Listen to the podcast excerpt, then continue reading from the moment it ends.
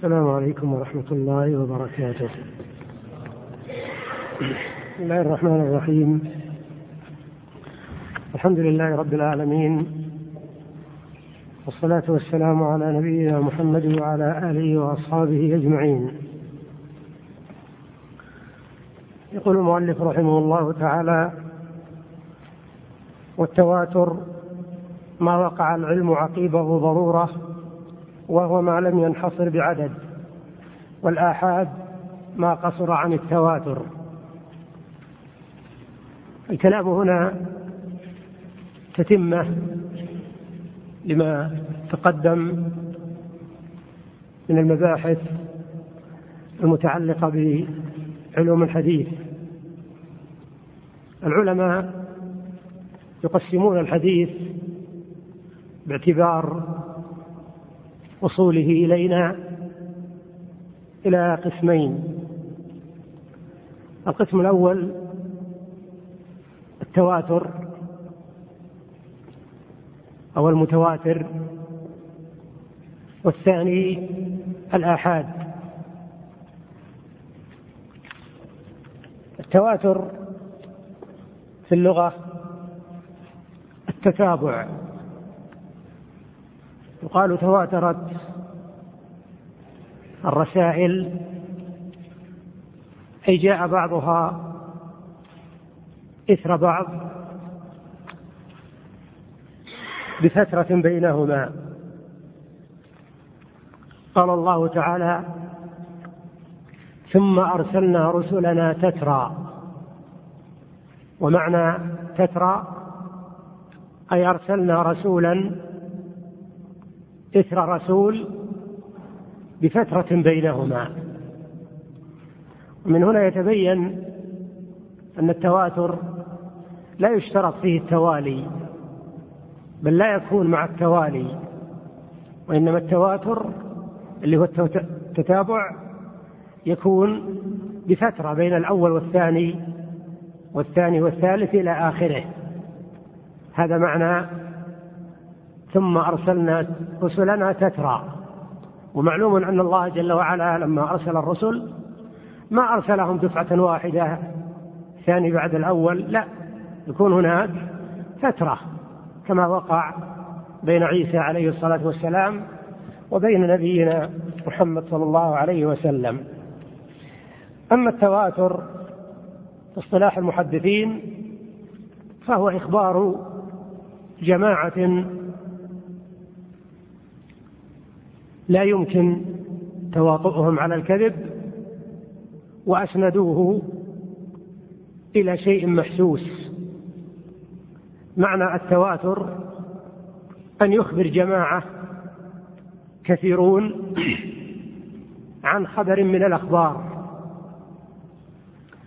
ويسندون هذا الخبر إلى شيء محسوس. مثل سمعنا رأينا شاهدنا. فإذا توفرت توفر العدد الكثير والعدد هذا في خلاف بين العلماء على أقوال كثيرة كلها ضعيفة. والصواب أن العدد لا يحصر وإنما المقصود أن الخبر لا يوصف بالتواتر إلا إذا رواه جماعة كثيرون. كعشرين أربعين سبعين أكثر أقل يوصف بأنه متواتر. بشرط أن يسندوه إلى شيء محسوس. كأن يقول بعضهم في روايته عن بعض يقول سمعنا. أو يقول مثلا حدثنا أو يقول رأينا. المهم لفظ يشعر بالسماع. فلو قالوا علمنا أو نمي إلينا أو شيء من الصيغ اللي ما تدل على السماع هذا ما يكفي. هذا معنى المتواتر. وقول المؤلف هنا ما وقع العلم عقيبة ضروره هذا في الواقع ليس تعريفا للمتواتر وإنما هذا على منهج المؤلف أنه عرف المتواتر بالحكم والثمرة.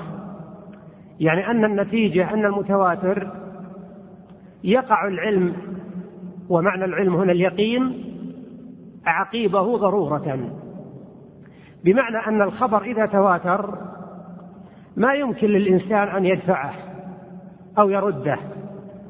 يعني كأنه يرى أنه ملزم بتصديقه ضرورة. ملزم بتصديقه ضرورة.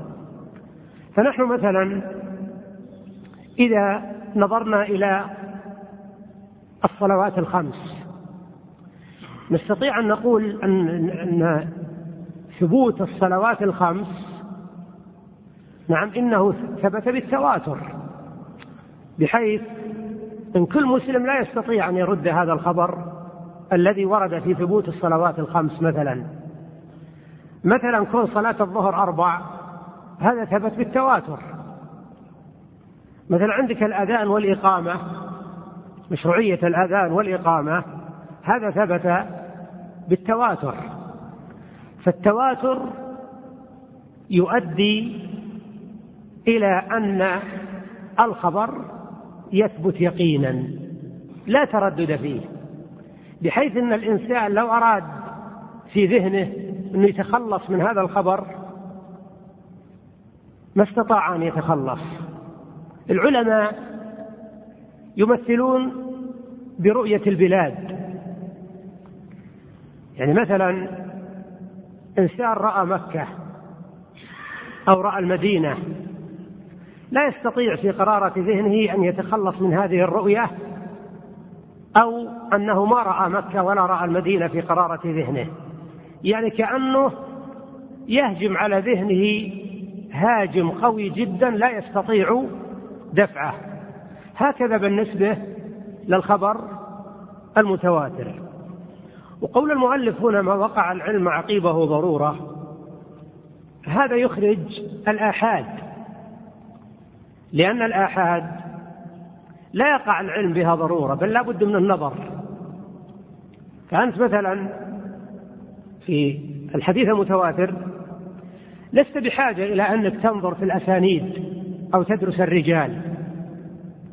يعني الآن الأذان والإقامة ورد في السنة. كل واحد منا الآن يحس بقرارة نفسه إن كونه يعرف أن الأذان والإقامة أنه مشروع ليس بحاجة إلى أنه يرجع للأحاديث وينظر في أسانيدها ورجالها لأن هذا ثبت متواترا.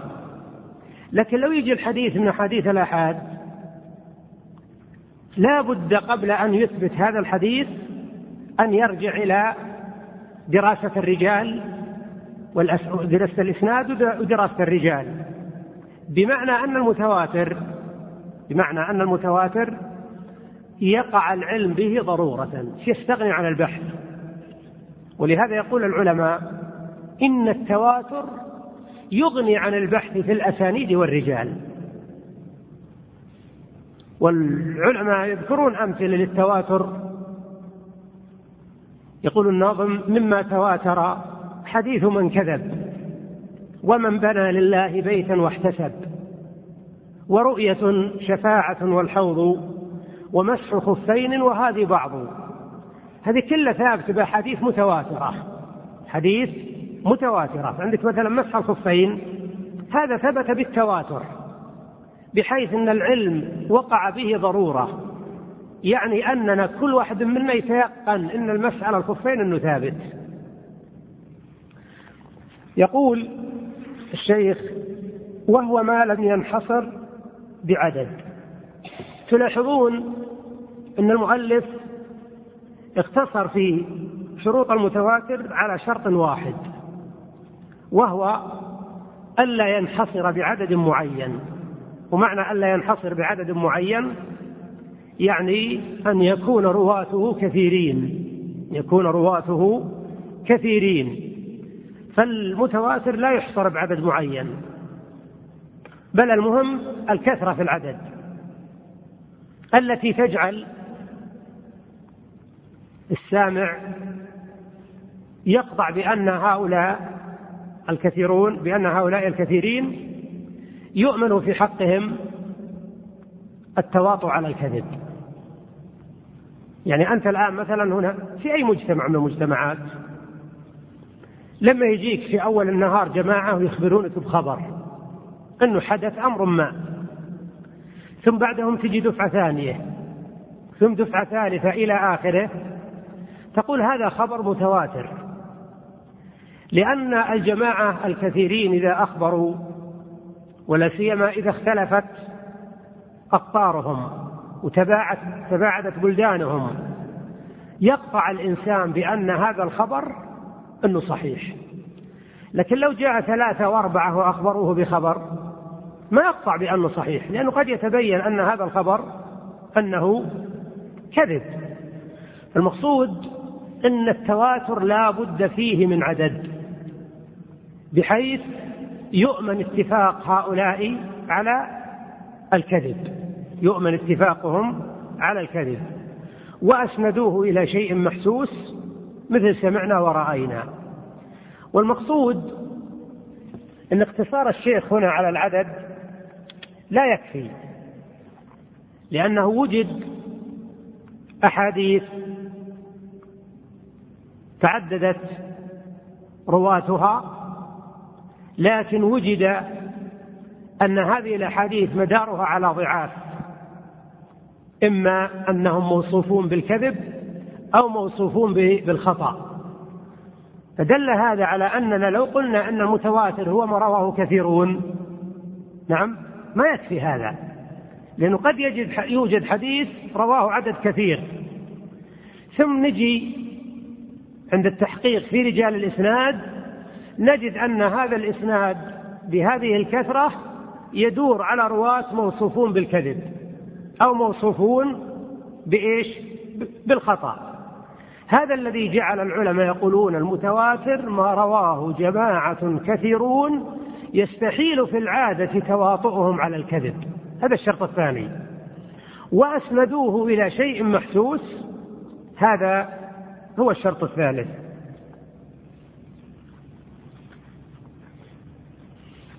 والفرق بين التواتر والمتواتر التواتر صفة للإسناد والمتواتر صفة للحديث. فلو قيل لك عرف الإسناد المتواتر تقول إخبار جماعة كثيرين إلى آخره. هذا الإسناد. لو قيل عرف الحديث المتواتر تقول ما رواه جماعة كثيرون. والآحاد ما قصر عن التواتر. بمعنى أن الآحاد ما لم يجمع شروط المتواتر. لما ما في واسطة بين القسمين. متواتر أو آحاد. فاللي ما ينطبق عليه حد التواتر يخرج إلى الآحاد. فالحديث الذي ما رواه إلا واحد. يعني واحد بجميع طبقات السند. فلان عن فلان عن فلان. هذا يسمى نعم آحاد. مثل واحد من الصحابة وواحد من التابعين وواحد من تابع التابعين. يقال إنه في جميع طبقات الإسناد الراوي واحد. أو رواه مثلا في بعض الطبقات واحد وفي بعضها اثنان أو ثلاثة أو أربعة أو خمسة أو سبعة. المهم إنه ما خرج إلى حد الكثرة التي هي صفة إيش؟ التواتر. التي هي صفة التواتر. والآحاد ما يفيد اليقين؟ إنما يفيد الظن. لأن الآحاد يمكن وقوع الخطأ فيه. ولهذا الأحاديث الآن الضعيفة هذه تعتبر من قبيل الآحاد. الأحاديث الضعيفة مثل المرسل أو المنقطع أو اللي فيه مثلا الراوي متروك واللي في عنعنة أو نحو ذلك هذا كله يعتبر من قبيل الآحاد. فالآحاد تفيد الظن ومعنى الظن يعني عدم الجزم والعلم واليقين. هذا في الأصل. ولا الآحاد؟ قد تقرب أحيانا من المتواتر قد تقرب أحيانا من المتواتر إذا وجد قرائن تقويها. نكتفي بهذا. قال والمعارضة مقابلة الخصم في دعواه. ومساواته في الدلالة بخلاف حكمه ومانعيته من وجه الدلالة. المعارضة هذه من قوادح القياس من قوادح القياس. والمعارضة في اللغة هي المقابلة على سبيل الممانعة والمدافعة. لأن أحيانا المقابلة قد تكون على سبيل السلام والتحية مثل لو قابلت شخصا تسلم عليه. لكن المقابلة هنا نريد أن تكون على سبيل الممانعة والمدافعة. يقال لفلان ابن يعارضه بمعنى أنه يقابله ويدافعه كأن يعني رأي الابن في جانب وراي الأب في جانب فالأب يريد رأيه يمشي والابن يقابله يريد أن رأيه هو اللي يمشي فيكون بينهما مقابلة وممانعة ومدافعة هذا معنى المعارضة والمعارضة في اصطلاح الأصوليين نعم فيها هذا المعنى اللغوي ولهذا قال الشيخ مقابلة الخصم في دعواه معنى مقابلة الخصم في دعواه يعني أن يبدي المعترض وصفا. يعني يبدي المعترض وصفا يصلح للعلية. يقتضي نقيض حكم المستدل. المعارضة يا إخوان لها أنواع كثيرة جدا. عند القياسيين في باب القوادح. لكن في نوع من المعارضة هو الذي نكتفي به وهو أن يقابل المعترض المستدل في دعواه يعني في العلة مثلا. يأتي المستدل بعلة تثبت حكما. يأتي المعترض بعلة أخرى تقتضي نقيض ما أورده المستدل. فيقال إنه عارضه. يقول الشيخ ومساواته في الدلالة. لعل المراد هنا بيان أن المعارضة ما تجري إلا في الأدلة الظنية. ما تجري المعارضة في الأدلة القطعية. لأنه لو تعارض دليل قطعي وظني ما الذي يقدم؟ يقدم الدليل القطعي. ويترك الدليل الظني. ولهذا نبه العلماء على أن المعارضة لا تقع إلا بين دليلين ظنيين مثل أخبار الآحاد ومثل القياس لأن القياس دلالته ظنية. قالوا أيضا ومن شرط المعارضة أن تقع في علة سليمة يعني علة صحيحة يستدل بها. أما العلة الفاسدة ما يقع فيها معارضة لأن فسادها يكفيها. يقول بخلاف حكمه ومانعيته من وجه الدلالة يعني أن المعارض يأتي بما يعارض به لأجل يري الخصم أن علته امتنع جريانها أو قل امتنع تأثيرها. امتنع جريانها أو قل امتنع تأثيرها. مثاله أن يعلل الشافعي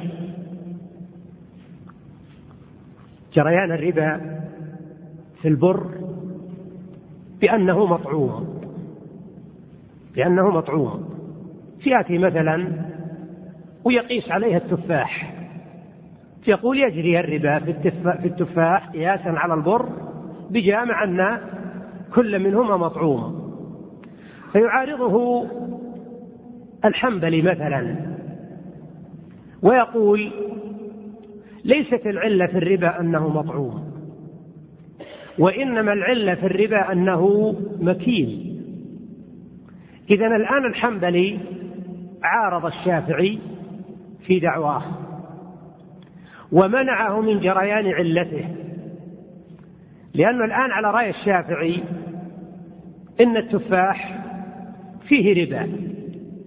لكن على رأي الحنبلي أن التفاح ليس فيه ربا لأنه ليس ليس بمكين في نهاية المعارضة طبعا هي هي مسألة جدلية لا بد أن يبين أحد المتعارضين قوة حجته. فيأتي الشافعي ويقول أن العلة هي الطعم لأن الرسول صلى الله عليه وسلم قال الطعام بالطعام مثلا بمثل. فعلق علقت المثلية بين الصنفين بالطعم. فدل على أن العلة هي الطعم. لكن يقول الحنبلي إننا رأينا أن الأصناف التي جرى فيها الربا وهي البر الشعير أنها مكيلة. فدل على أن العلة هي الكيل. فالمقصود أن الحنبلي عارض الشافعي في علته. وهذه المعارضة يسميها الأصوليون المعارضة الفرع أو معارضة ثبوت العلة في الفرع. معارضة ثبوت العلة في الفرع. قال والترجيح مزية لتقديم أحد المعنيين على الآخر. المزية والقوة والزيادة كلها بمعنى واحد. يعني الترجيح مزية أحد الدليلين على الآخر بمعنى إن الترجيح أن يوجد في أحد الدليلين مزايا ليست موجودة في الدليل الآخر. ولا ترجيح إلا مع وجود التعارض. ما في ترجيح إلا مع وجود التعارض. نضرب مثالا يتضح به المعنى. ورد في الحديث حديث بشرى بن صفوان الذي رواه أصحاب السنن أن النبي صلى الله عليه وسلم قال من مس ذكره فليتوضأ. فهذا الحديث دليل على وجوب الوضوء من مس الذكر. عارضه حديث آخر وهو حديث طلق بن علي. رواه أصحاب السنن أيضا أن النبي صلى الله عليه وسلم سئل عن الرجل يمس ذكره أعليه وضوء؟ قال هل هو إلا بضعة منك؟ ومعنى بضعة يعني قطعة, عضو من أعضائك. يعني أنه كما لو مسست مثلا كفك بضعة منك هو. فهذا يدل على أن أنه ليس في وضوء من مس الذكر. إذا في تعارض الآن. أحد الدليلين فيه مزية على الآخر. طبعا وهذا يدركه المجتهد. وهو أن حديث بسرى بن صفوان أرجح من حديث طلق بن علي لأمور ثلاثة. يعني مين موجود بحديث طلق بن علي؟ الأمر الأول من حديث بشرى ناقل عن البراءة الأصلية. البراءة الأصلية سندرسها إن شاء الله بعد قليل أو بعد المغرب ما أدري. فالبراءة الأصلية أنه ما في وضوء من مس الذكر. هذا البراءة الأصلية. بس حديث بسرة هو مبقي على البراءة الأصلية ولا حديث طلق؟ حديث طلق هو اللي مبقي على البراءة الأصلية. الذي يبقي على البراءة الأصلية هل هو أتى بزيادة علم ولا ما أتى؟ ما أتى بزيادة علم. يكون حديث بسرة نعم هو الذي أتى بزيادة علم لأنه نقل عن البراءة الأصلية يكون أرجح. الثاني أن العلماء الذين صححوا حديث بسرة أكثر من العلماء الذين صححوا حديث طلق. الثالث أن حديث بسرة أحوط. أحوط. لأن إذا كانت المسألة فيها ما فيها كون الإنسان يتوضأ من مس الذكر أحوط من كونه لا يتوضأ. وهذه مسألة أو هذه نظرة إلى الدليل بغض النظر عن المسألة وخلاف العلماء فيها وإلا العلماء اختلفوا في حكم الوضوء من مس الذكر. والأرجح في هذا والله أعلم ما اختاره شيخ الإسلام من تيمية من أن الوضوء من مس الذكر ليس بواجب ولكنه مستحب. هذا على رأي ابن تيمية ولا المسألة فيها خلاف؟ هذا معنى قوله والترجيح مزية لتقديم أحد المعنيين على الآخر. والندب والفضل والسنة والاستحباب والتنفل بمعنى واحد. يعني كان الأولى أن المؤلف يذكر الكلام هذا وين؟ يذكره عند الكلام على المندوب اللي مر علينا. لكن كما قلنا أن الشيخ رحمه الله ما رتب هذه الرسالة. فالمقصود أن هذه الألفاظ كلها بمعنى واحد. إيش معنى بمعنى واحد؟ يعني تدل على الطاعة غير الواجبة. فالطاعة غير الواجبة توصف بهذه الأوصاف. فيقال مثلا صلاة التراويح نفل أو طاعة أو تنفل أو مستحبة أو سنة وإطلاق السنة هنا هذا على اصطلاح الفقهاء كما قلنا. أما الأصوليون مثل ما مر علينا فيطلقون السنة على ما هو أعم على ما هو أعم. لأنه مر علينا أن السنة هي ما رسم ليحتذى سواء كان المرسوم واجبا أو كان المرسوم مستحبا. ولهذا أطلقت السنة حتى على الواجبات. من يعطيهم مثال. ما المثال الذي مثلنا به لإطلاق لفظ السنة على الواجب؟ ها؟ نعم. أو قراءة الفاتحة. ها؟ إيه هو يمكن يقصد حديث ابن عباس أنه صلى على جنازة فقرأ الفاتحة فقال لتعلموا أنها سنة. هذا المثال أنا أعطيتكم إياه. والآن بزيدكم مثالا آخر. وهو قول أنس رضي الله عنه من السنة إذا تزوج البكر يعني على الثيب أن يقيم عندها سبعة. قول أنس من من السنة يقصد الواجب.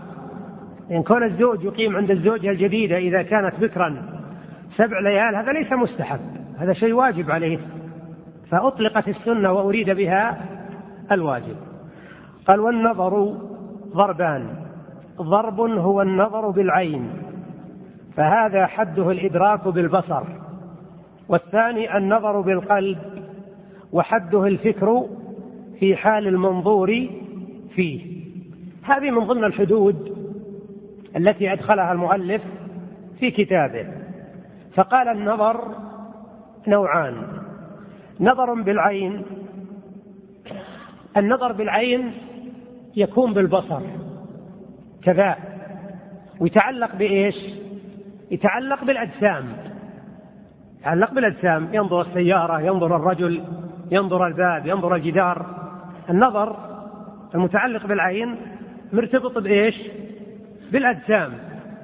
هل يصح أن نقول مثلا نظر بعينه إلى استنباط الحكم الشرعي؟ لا. استنباط الحكم الشرعي هذا النوع الثاني. اللي هو إيش؟ النظر بالقلب. النظر بالقلب يكون في إيه؟ ها؟ بالبصيرة.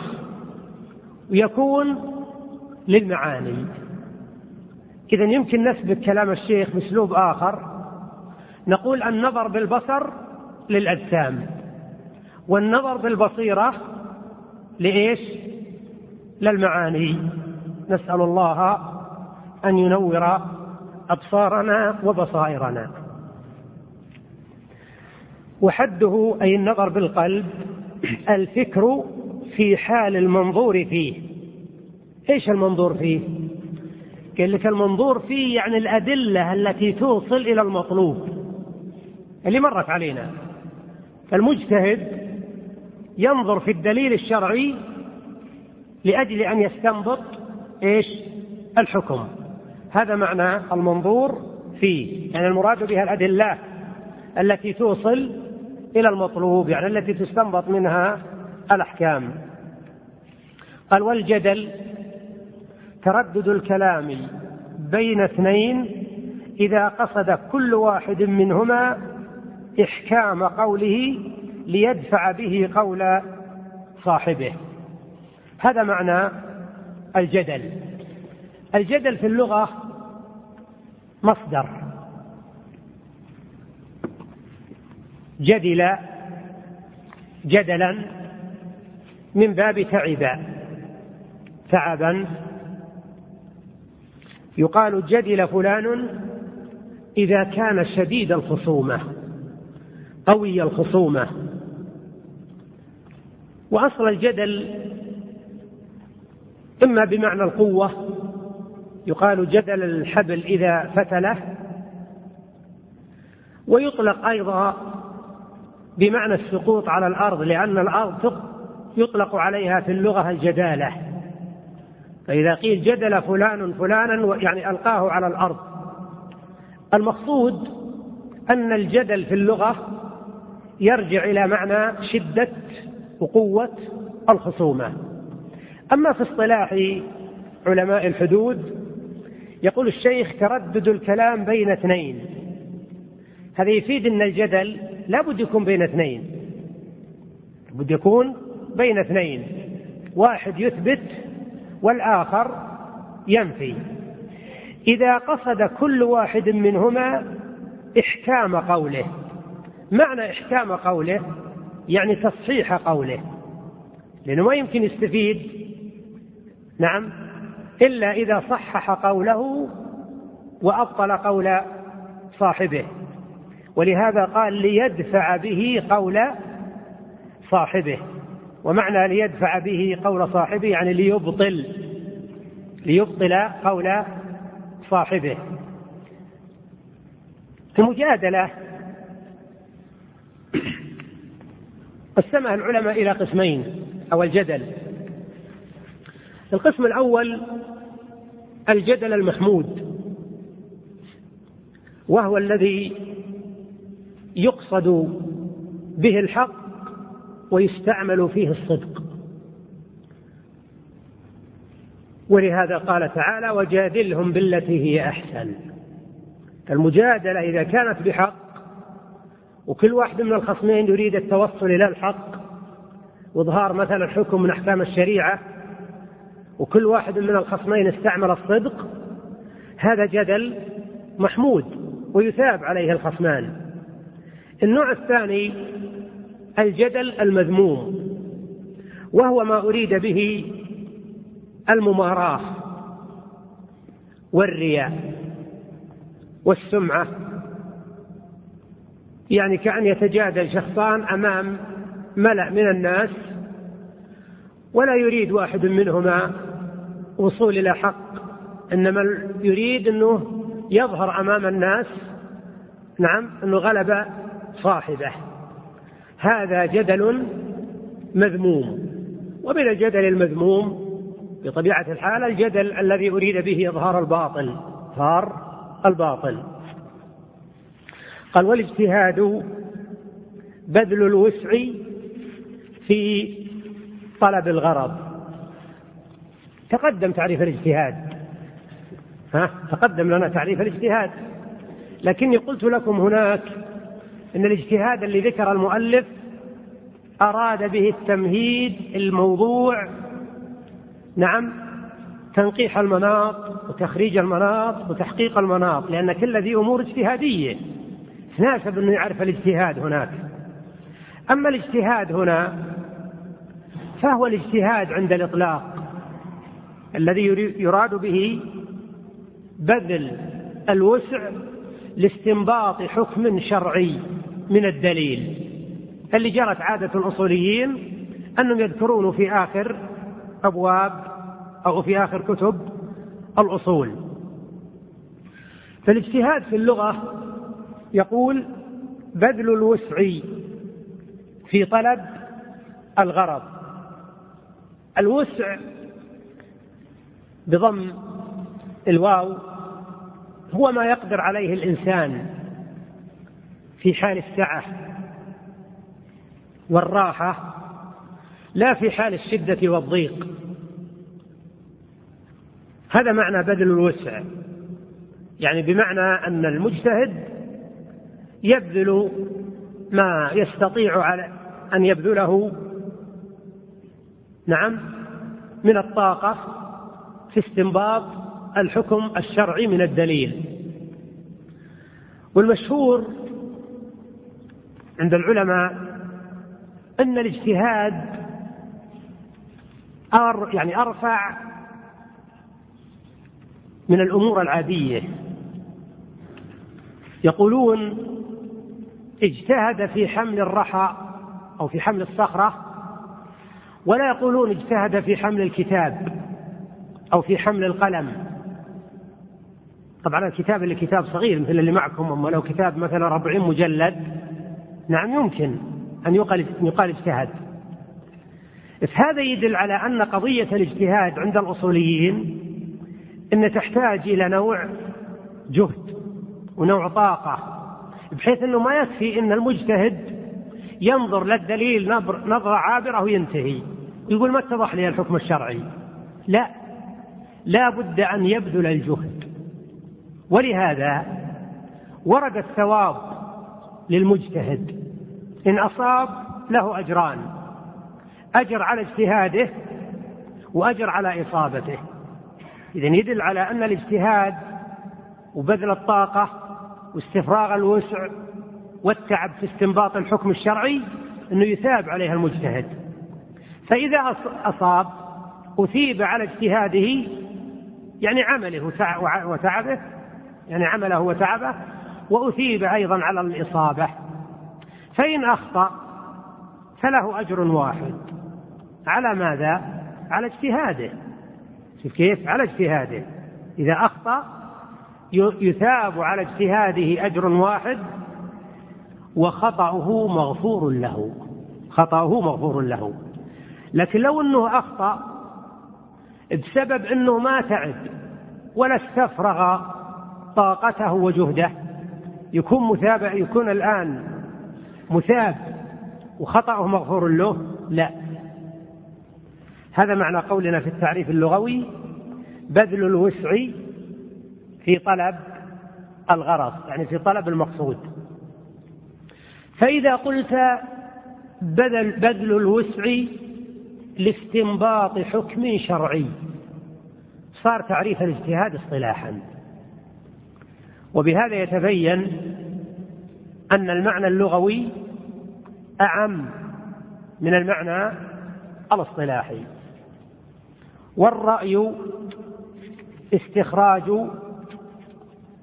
صواب العاقبة. الرأي استخراج صواب العاقبة. أصل الرأي. ما يترجح للإنسان بعد الفكر والتأمل. هذا أصل الرأي.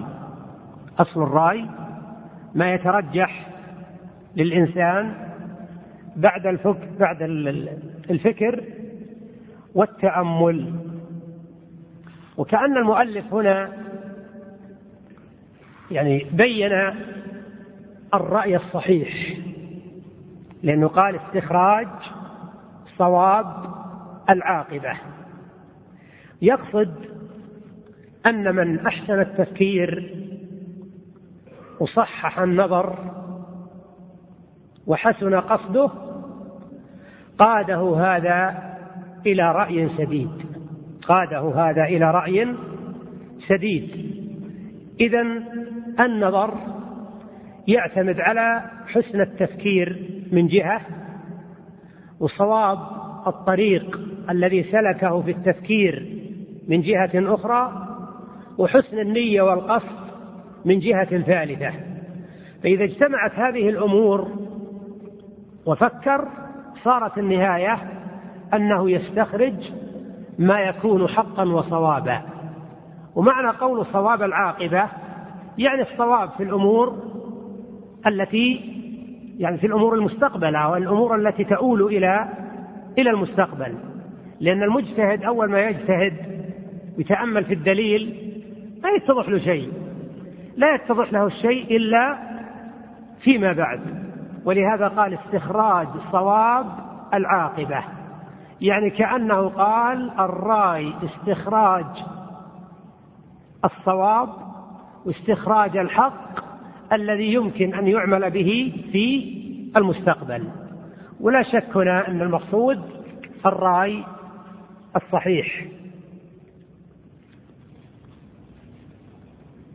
فالمقصود أنه إذا اعتمد النظر على قواعد صحيحة وأسس سليمة يؤدي إلى حكم صحيح إلى حكم صحيح. والحكم الصحيح هو الذي قال عنه صواب العاقبة.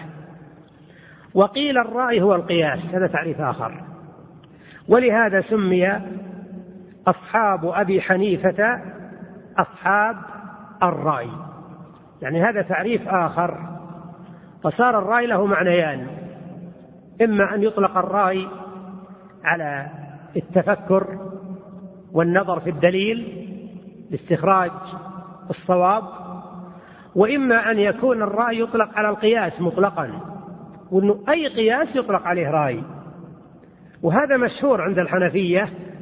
حتى إن الأحناف يذكرونها في كتب الفقه والحديث يذكرون أحيانا بأصحاب الرأي.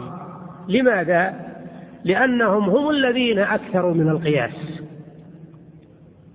لأن الناس يا إخوان في القياس طرفان ووسط. الطرف الأول الظاهرية الذين لا يرون القياس. والطرف الثاني الحنفية الذين فتحوا باب القياس على مصراعيه.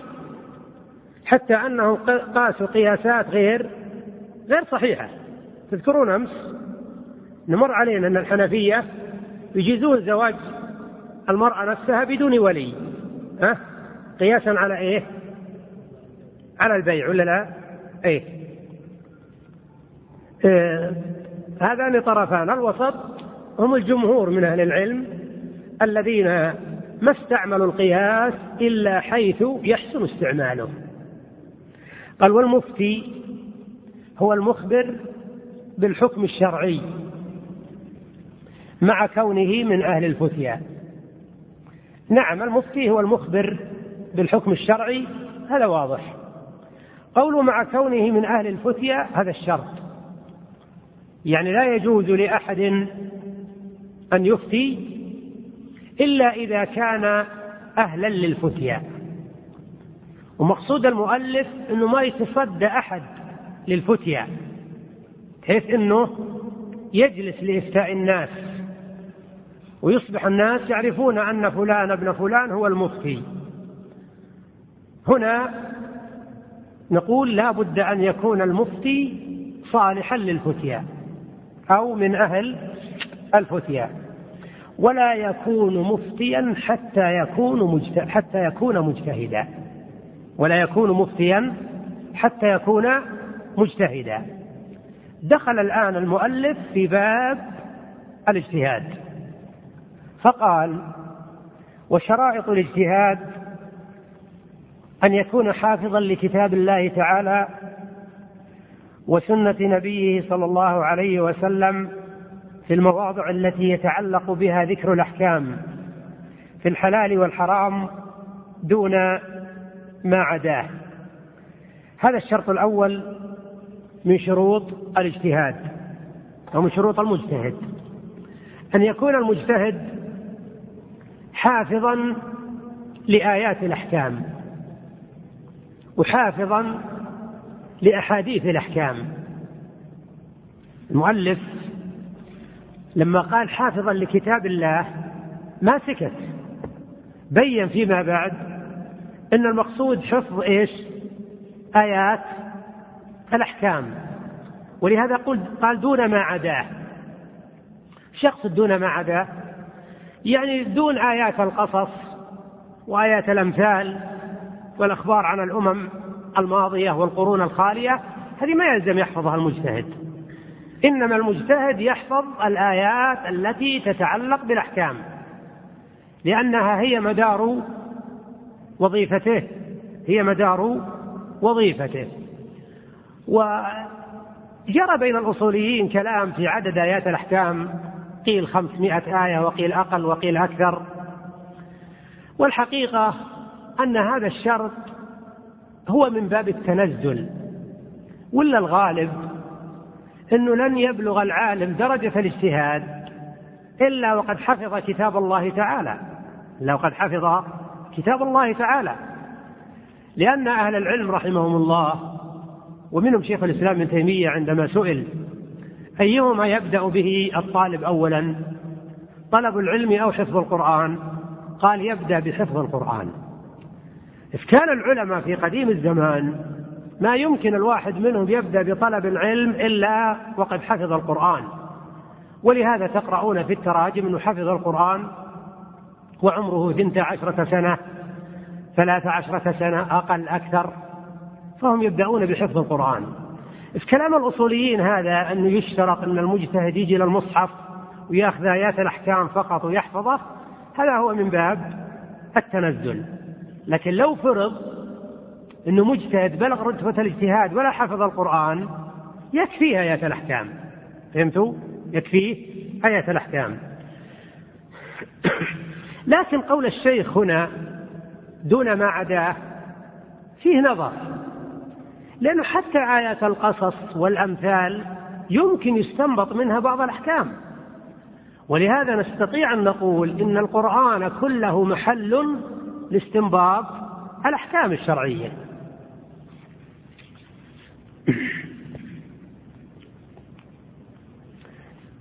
ومثل الأحاديث التي تتعلق بالأحكام يحفظها. هذا سهل. يعني لو حفظ مثلا بلوغ المرام أو حفظ مثلا المنتقى للمجد بن تيمية. نعم كفى لأن هذه أو هذين نوعين من أنواع الكتب التي تمت بالأحكام أو مثل المحرر أو مثل مثلا الإلمام هذا لابن عبد الهادي والإلمام لابن دقيق العيد. كلها هذه من الكتب التي جمعت أحاديث الأحكام. هذا الشرط. الأول. الشرط الثاني قال وأن يكون عارفا بأحكام الخطاب وموارد الكلام من الحقيقة والمجاز وما اشتمل عليه الكتاب والسنة من الأقسام المتقدمة. يقصد الأقسام المتقدمة اللي درسنا ها؟ العام والخاص والمطلق والمقيد ها؟ والمنطوق والمفهوم. هذا الشرط يمكن يمكن أن يلخص بشرط واحد وهو أن يكون المجتهد عالما بأصول الفقه. يعني انظر إلى أهمية أصول الفقه. بل يقول العلماء إن أصول الفقه هو الدعامة الكبرى التي يعتمد عليها المجتهد. ولا يتصور أن إنسانا يبلغ درجة الاجتهاد وهو لا يعرف شيئا من أصول الفقه. هذا لا يمكن. فيعتبر أصول الفقه شرطا أساسيا بالنسبة لمن يريد أن يبلغ درجة الاجتهاد. لأنه مثل ما مر علينا لا يستطيع أن يستنبط الأحكام الشرعية من الكتاب والسنة إلا إذا درس أبواب الأصول اللي مرت علينا. إذا درس العام وتخصيص العام والمطلق وتقييد المطلق نعم ودرس المنطوق ودرس أنواع المفاهيم ودرس الأمر والنهي ودرس القياس كل هذه لا بد منها. قال ويكون عارفا بطرق النحو واللغة. هذا الشرط الثالث. بمعنى أن المجتهد لا بد أن يكون عارفا باللغة العربية. سواء ما يتعلق بالنحو لا بد أن يكون عارفا بالنحو. ما يشترط أن يكون كسيبويه لا. إذا درس المبادئ المهمة في النحو نفرض مثلا أنه ألم بمتن القطر لابن هشام أو ألم مثلا بشرح بن عقيل على ألفية بن مالك يكفي هذا. ويدرس أيضا الصرف لأن الصرف له علاقة باستنباط الأحكام الشرعية من جهة تصاريف الكلمة. يعني كما في قوله تعالى ولا يضار كاتب ولا شهيد. هل ولا يضارر كاتب ولا شهيد؟ أنه يصدر منه الضرر. ولا ولا يضارر كاتب ولا شهيد؟ أنه ما يلحق بالكاتب والشهيد ضرر. هذا منين يدرك؟ هذا بواسطة الصرف. ثالثا لا بد أن يكون عالما بالبلاغة ولا سيما ما يتعلق بعلم المعاني. مثل الامر والنهي وأحوال المسند والمسند إليه والفصل والوصل والإيجاز والاطناب والمساواة. هذه لا بد منها للمجتهد. الرابع أن يكون عنده شيء من معاجم اللغة. ما يلزم الحفظ لكن المجتهد ينبغي يكون عنده معاجم يرجع إليها عند الحاجة. يكون مثلا عنده لسان العرب يكون عنده مثلا الصحاح للجوهري لأجل أنه يرجع إليها عند الحاجة. لكن ما نقول لا لازم يغيب لسان العرب. لا لسان العرب قد يكون في أشياء لن يحتاجها المجتهد. فالمقصود بهذا أن علم اللغة بالفروع التي سمعتم هذا أمر لا بد منه للمجتهد. لماذا؟ لأن القرآن والسنة كما تعلمون كل منهما بلسان عربي مبين. إذا لا بد أنه يعرف قواعد لغة العرب حتى يستطيع استنباط الأحكام. الرابع الإجماع والاختلاف. هذا أمر لا بد منه. إن المجتهد لا بد أن يقف على مواطن الإجماع ومواطن الخلاف. خشية أن يفتي بمسألة مجمع عليها بخلاف ما أجمع عليها عليه. يعني هو يمكن يجتهد. وهذه المسألة ما تحتاج أصلا للاجتهاد ليش؟ لأنه مجمع عليها. إذا كان المجتهد ما له اطلاع على مسائل الإجماع وكتب الإجماع نعم قد يخطي في مسألة مجمع عليها فيجتهد بما يخالف إيش؟ الإجماع بما يخالف الإجماع. وهو يستفيد إذا اطلع على المسائل المجمع عليها. أقول يستفيد لأنه يكفيه مؤونة البحث. لو اسأله سائل عن مسألة وهو عارف مار عليه بالمراجعة أن المسألة ذي مجمع عليها يفتي السائل ها وينتهي الأمر. هذه هي الفائدة. وطبعا كلام العلماء هنا يعني مبني على ما تقدم من أنهم يرون أن الإجماع إما إجماع قطعي ولا إجماع ظني.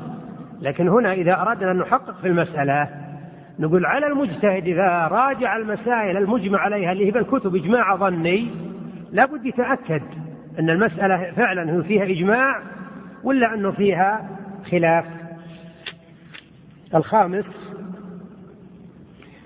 قال أن يكون عارفا بالأصل وعلة الأصل والفرع المختلف فيه لينظر في الفرع فيرده إلى إلى الأصل أو يرده بالعطف إذا وجد معناه فيه إذا وجد معناه فيه. لا داعي لإفراد هذا الشرط. ها؟ أقول لا داعي لإفراد هذا الشرط. هذا الشرط وين يدخل؟ في أصول الفقه. لكن لعل الشيخ أفرده لأهميته. يقول لعل الشيخ أفرد القياس بالاشتراط لأهميته. الشرط السادس قال أن يكون عدلا. أن يكون عدلا. العدالة فيها خلاف عند العلماء لكن العدالة عند الجمهور استقامة الدين والمروءة. هذا تعريفه. استقامة الدين والمروءة. استقامة الدين أن يفعل الواجبات ويترك المحرمات. واستقامة المروءة أن يفعل ما يجمله ويزينه ويجتنب ما يقبحه ويشينه. فهل العدالة شرط؟ للاجتهاد. يعني أن الفاسق ما يجوز ينظر في أدلة الكتاب والسنة. العدالة يا إخوان فيها شرط فيها تفصيل. أما العدالة لمطلق الاجتهاد فليست بشرط. فإن استنباط الأحكام الشرعية كما يجوز أن يصدر من العدل يجوز أن يصدر من الفاسق. إنما العدالة شرط في الفتوى.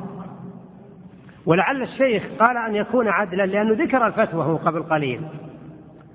وعلى هذا هل العدالة شرط في كون الإنسان يستنبط الحكم ليفتي نفسه؟ ها؟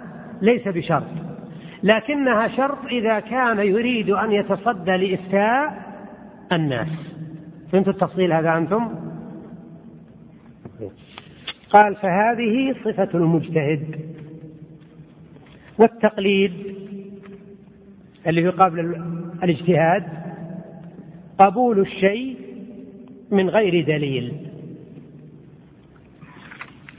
مأخوذ من القلادة التي في العنق قال الشاعر قلدوها تمائم خوف عين وحاسد فسمي التقليد بذلك لأن المقلد يقطع الشيء في رقبة من يقلده.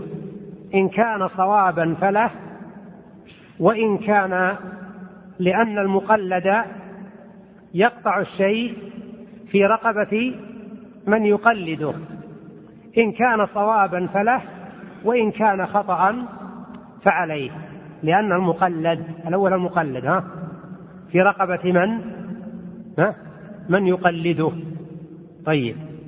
التقليد في اللغة وضع الشيء في العنق محيطا به. هذا معناه اللغوي. فلا يكون تقليدا إلا إذا أحاط. يعني لو وضع في العنق شيء من الخلف ولا شيء من الأمام فقط ما يسمى قلادة.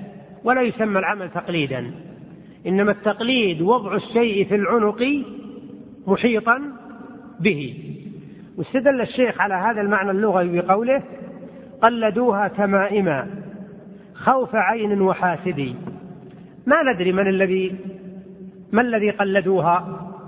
هل هي دابة مثلا؟ هذا هو الأقرب من السياق. فكأن المعنى أنهم وضعوا في رقبة هذه الدابة تمائم والتميمة معروف ما يعلق خشية العين في اعتقاد. أقول في اعتقاد من يعلقها. ولهذا التمائم تخل بالعقيدة على حسب قصد من علقها. قال, قال قلدوها تمائم خوف واش وحاسدي يعني خوف ان الدابة هذه تقع عليها عين الحاسد فتصاب بمرض أو تموت. هذا المعنى. فسمي التقليد بذلك لأن المقلد يقطع الشيء في رقبة من يقلده. إن كان صوابا فله. يعني صار المقلد مستفيدا. مستفيدا ولا لا؟ لأنه صواب الآن. وإن كان خطأ إيش؟ فعليه. لأنه تحمل المسؤولية. نرجع للتعريف الاصطلاحي.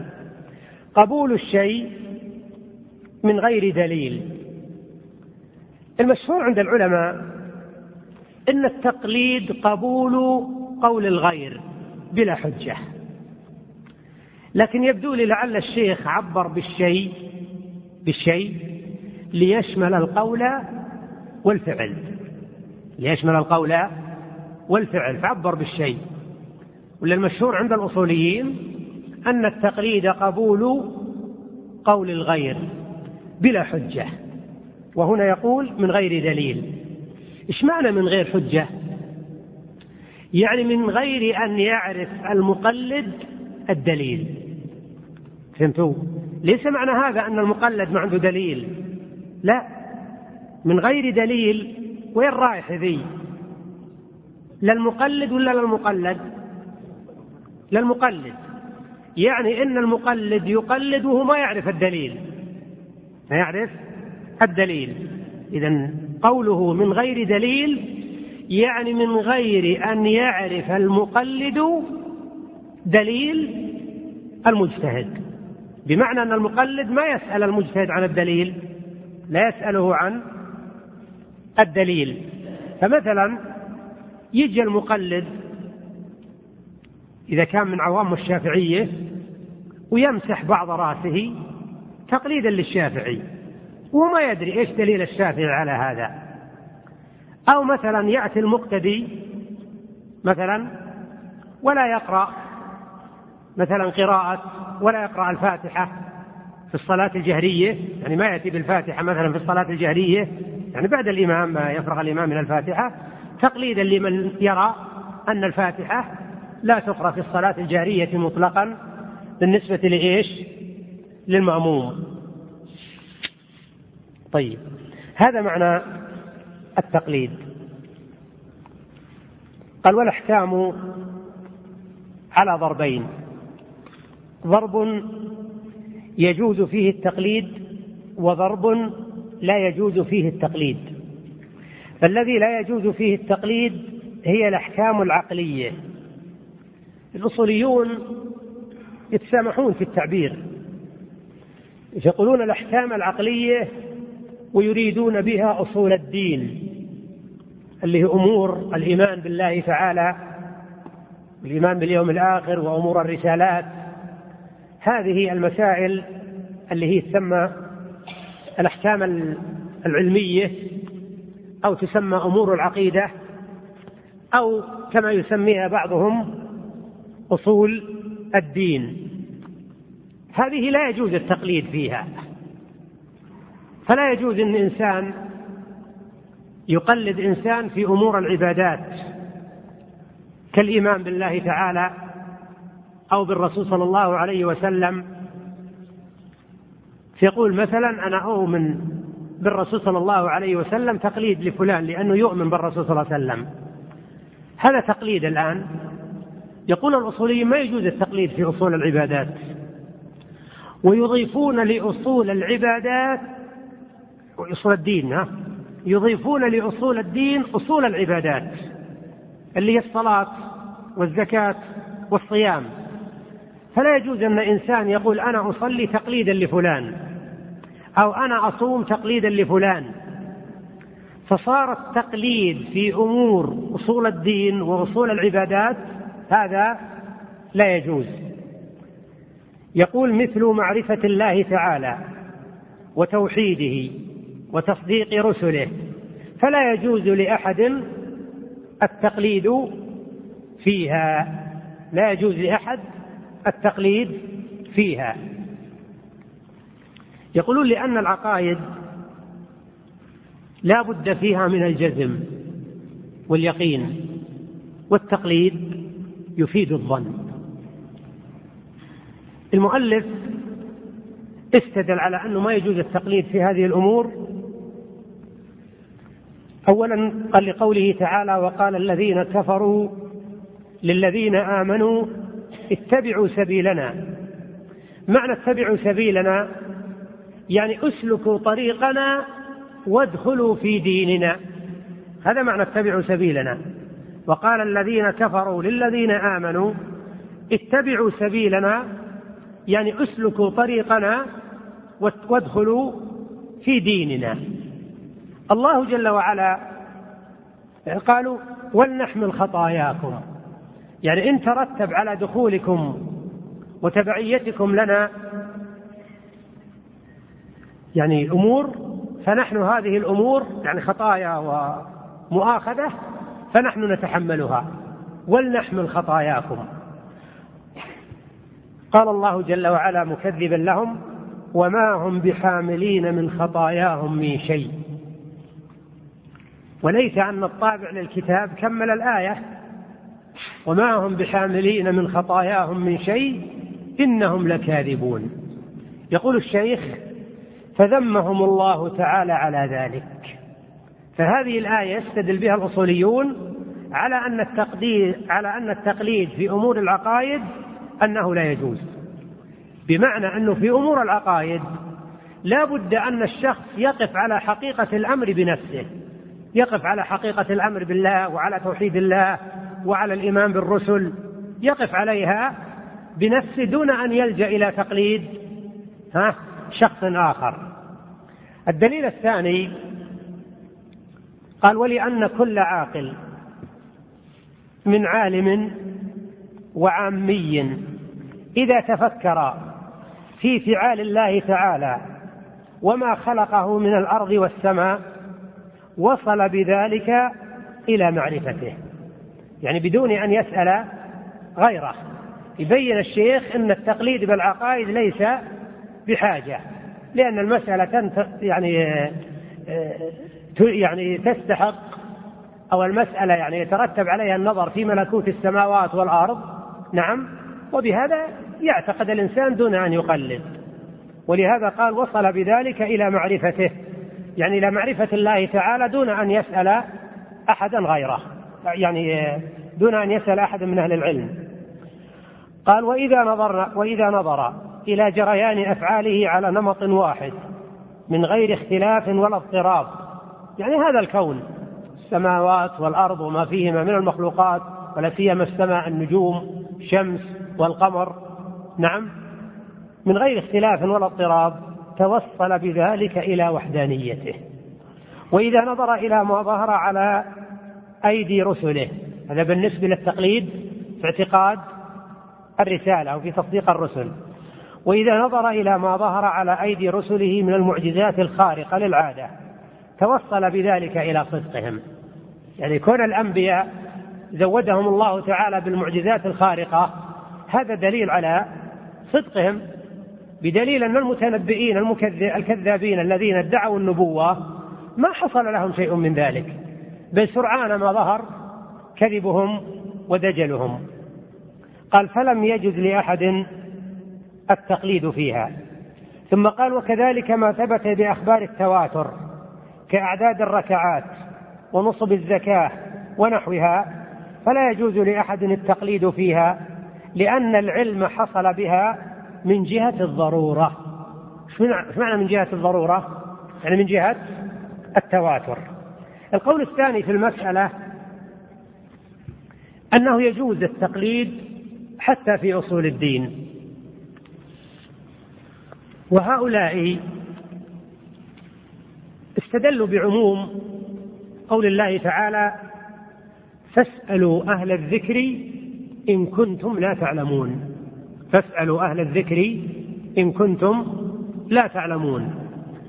قالوا وجه الاستدلال أن هذه الآية وردت في سياق إثبات الرسالة لأن أول الآية وما أرسلنا من قبلك إلا رجالا نوحي إليهم فاسألوا أهل الذكر إن كنتم لا تعلمون. يعني كأنه تقول فاسألوا أهل الذكر عن الرسالة يعني على ظاهر ترتيب الآية. وما أرسلنا من قبلك إلا رجالا نوحي إليهم فاسألوا أهل الذكر إن كنتم لا تعلمون. فاستدل بها العلماء يعني بعض العلماء الذين يرون هذا الرأي على أن التقليد يجوز حتى في أصول الدين وحتى في أصول العبادات استدلالا بهذه الآية. ولهم تعليل يقولون لأن العامي إذا ما استطاع التوصل إلى الحكم بنفسه ما يبقى في حقه إلا التقليد. إذا ما استطاع أن يتوصل إلى الحكم بنفسه ما أمامه الآن إلا التقليد.